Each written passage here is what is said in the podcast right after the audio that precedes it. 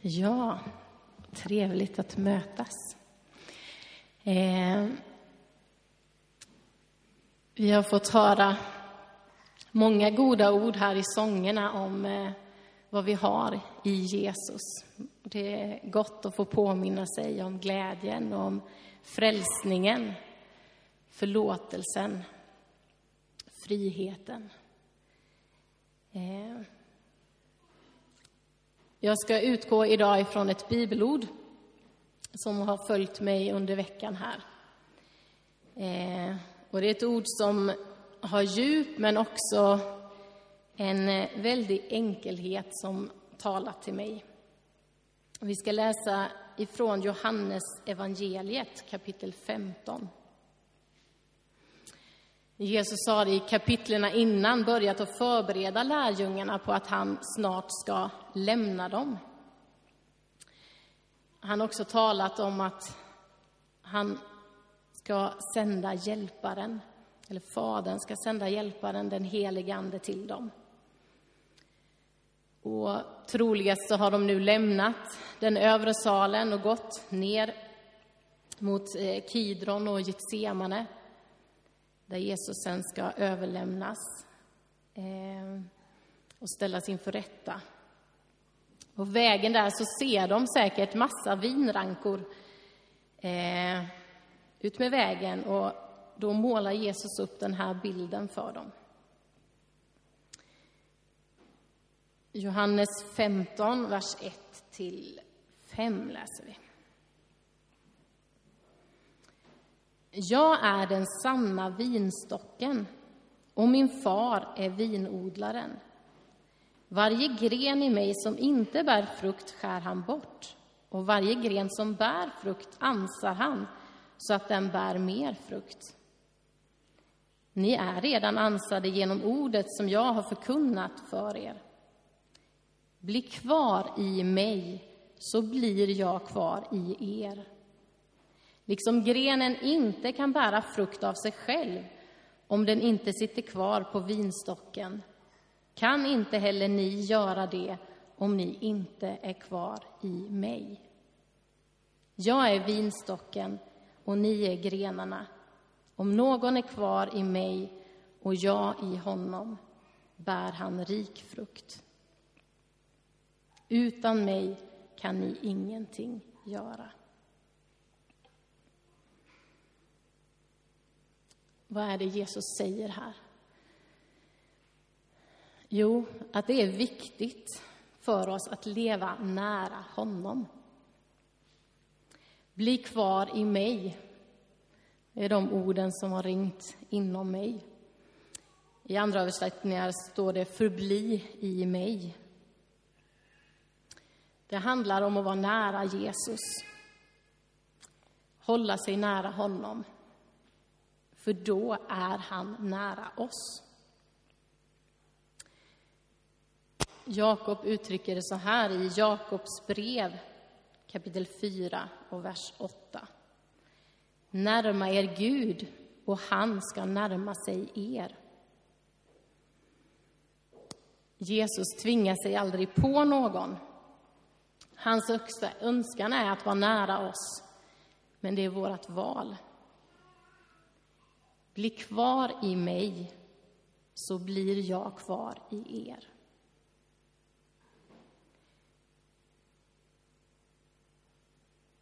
Med sin bild av vinstocken och grenarna beskriver Jesus även på ett enkelt sätt hur församlingen ska funka. Församlingen handlar om troende människor som har en levande relation med Jesus. På samma sätt som levande grenar har relation till trädet som de tillhör.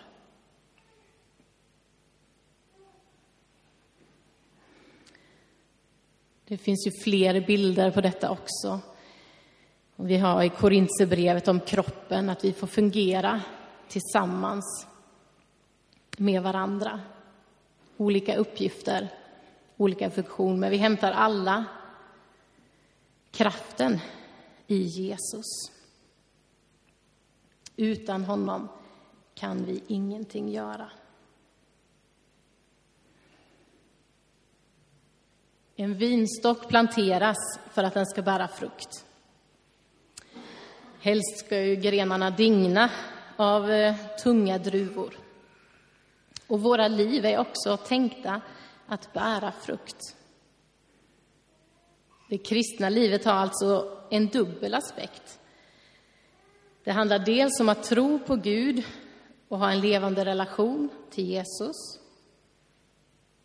Och dels handlar denna tro om att det också skapar effekter i våra liv. Det blir frukt. Och vilka frukter handlar det om? Ja, I Galaterbrevet 5, eh, vers 22-23, kan vi läsa om några. Men Andens frukt är kärlek, glädje, frid, tålamod, vänlighet, godhet, trofasthet, ödmjukhet och självbehärskning. Mot sådant vänder sig inte lagen. När vi håller oss nära Jesus så kan hans frukt få blomma ut i våra liv. Men vi kallas också in i tjänst för hans rike. Han har till och med förberett olika gärningar som vi med glädje och frimodighet kan få gå in i. I Efesebrevet 2 och vers 10 läser vi. Vi är hans verk, skapade genom Kristus Jesus till att göra de goda gärningar som Gud från början har bestämt oss till.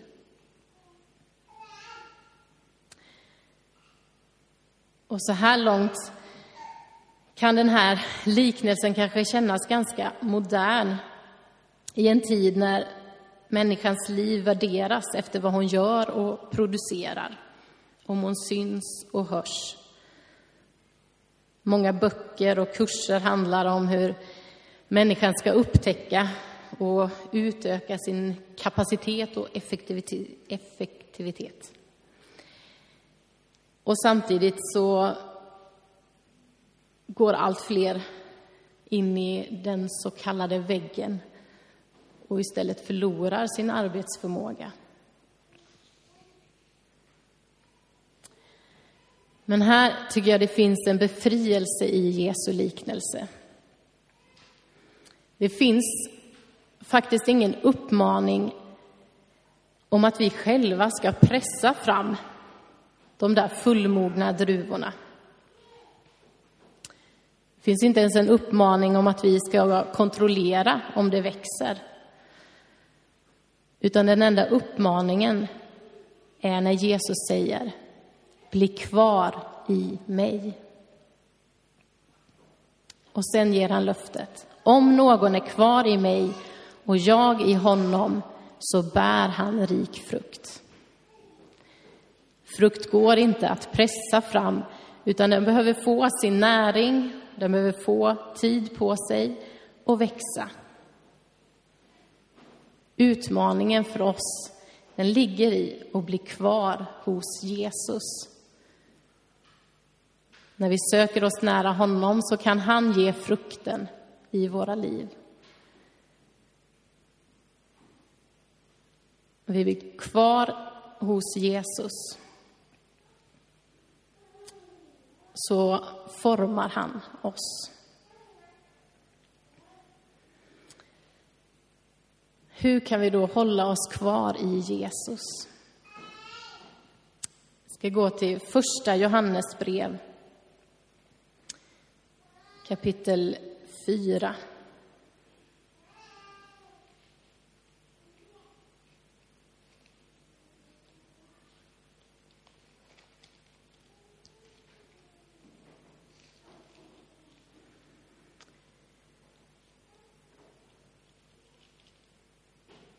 Och vi läser från vers 7 till 16.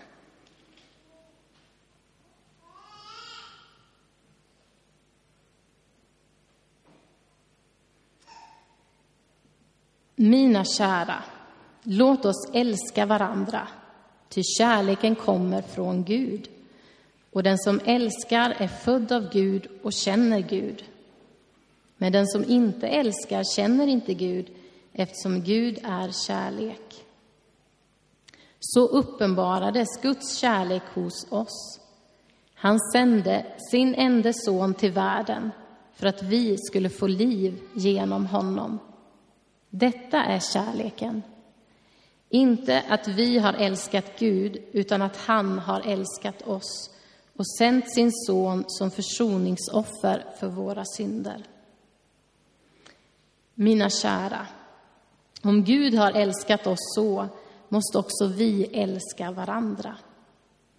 Ingen har någonsin sett Gud, men om vi älskar varandra är Gud alltid i oss och hans kärlek har nått sin fullhet i oss.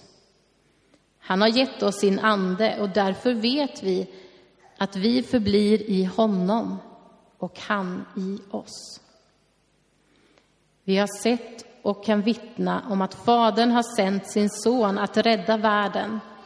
Om någon bekänner att Jesus är Guds son förblir Gud i honom och han i Gud. Om vi har lärt känna den kärleken som Gud har till oss och tror på den. Gud är kärlek och den som förblir i kärleken förblir i Gud och Gud i honom.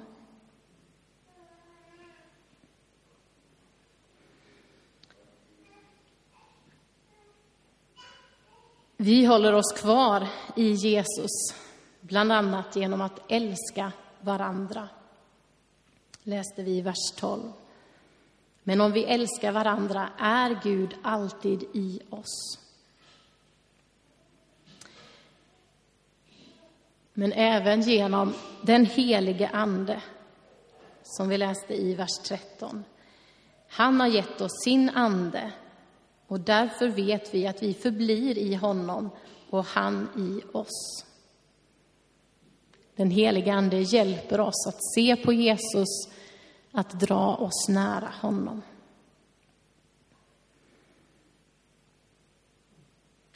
Och i vers 15, om någon bekänner att Jesus är Guds son förblir Gud i honom och han i Gud.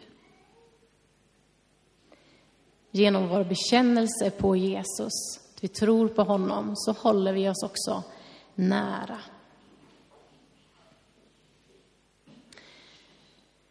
Det som är skönt med den här bilden, tycker jag, är att det inte handlar om oss själva, vad vi kan prestera, utan att det handlar om Gud i oss. Och det tror jag är viktigt för oss att påminna oss om gång på gång. Jesus säger, utan mig kan ni ingenting göra. Om vi tror att det beror på att vi ska göra en massa saker, så hamnar vi fel. Utan det beror på vad Gud har gjort och att han låter oss ta del av det.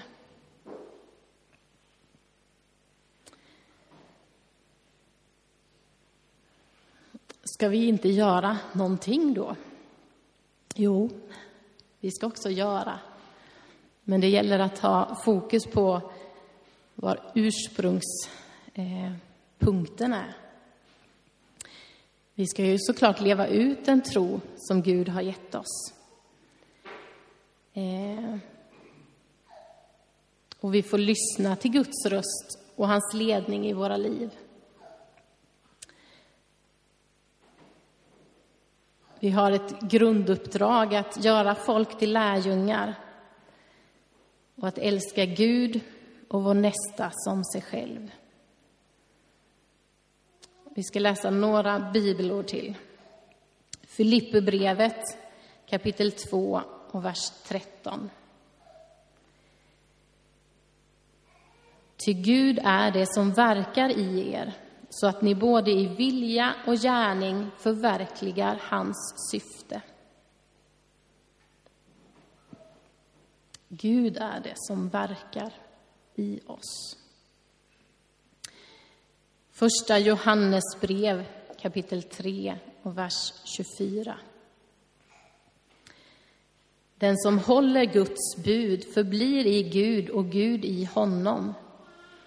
Och han förblir i och att han förblir i oss vet vi av anden som han har gett oss.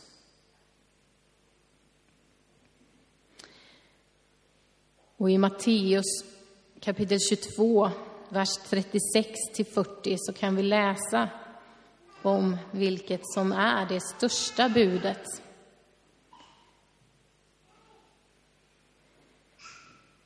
Mästare, vilket är det största budet i lagen? Han svarade honom, du ska älska Herren din Gud med hela ditt hjärta och med hela din själ och med hela ditt förstånd. Detta är det största och första budet. Sedan kommer ett av samma slag. Du ska älska din nästa som dig själv. På dessa båda bud vilar hela lagen och profeterna.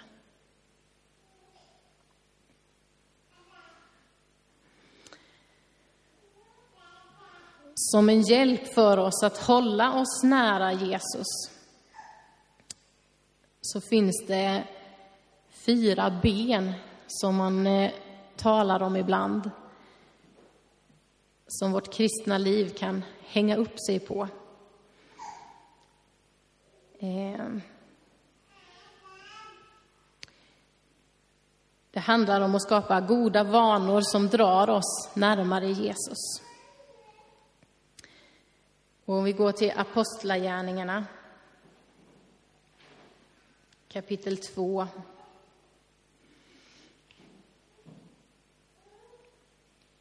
Och vers 42. Så kan vi se vad de första kristna eh, gjorde med sin tid. Och de deltog troget i apostlarnas undervisning och den inbördes hjälpen, i brödbrytandet och bönerna.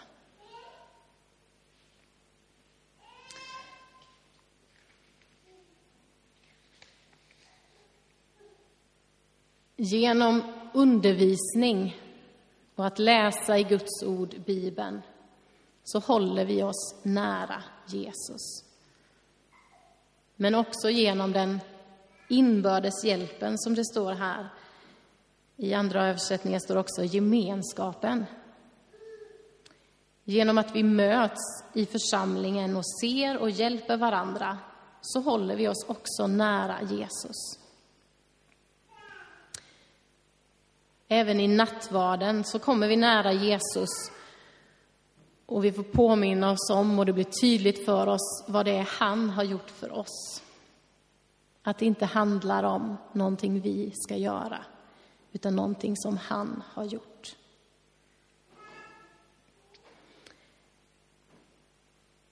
Och sist men inte minst har vi bönens väg.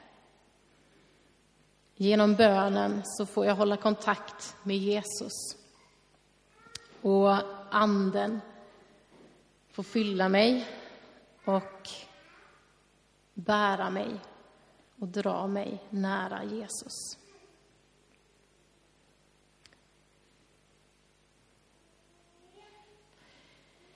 Det är inte grenen som bär vinstocken, utan det är vinstocken, Jesus Kristus, som bär oss.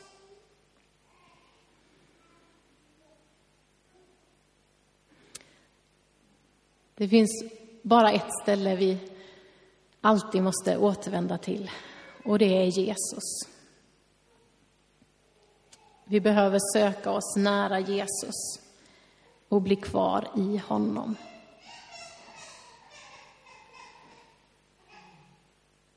Jag tror att vi stannar där idag.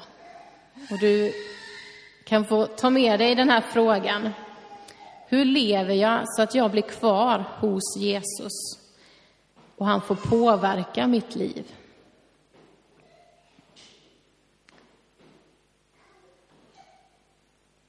Mm. Jesus, tack för att du är vinstocken som ger liv. Tack Jesus för att vi kan få söka oss nära dig och bli uppfyllda utav dig. Tack för att du, Jesus, vill ge frukt in i våra liv. Tack att vi kan få göra dina goda gärningar. Tack att vi kan få smaka gott i denna världen. Jag ber Gud att du skulle hjälpa oss att förbli i dig, förbli i Jesus. Tack för att du vill påminna oss om att det handlar om dig.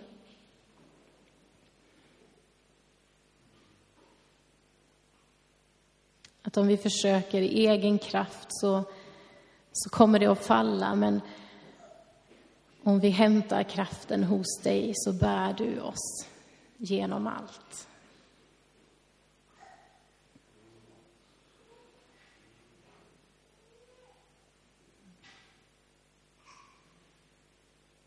Mm. Amen.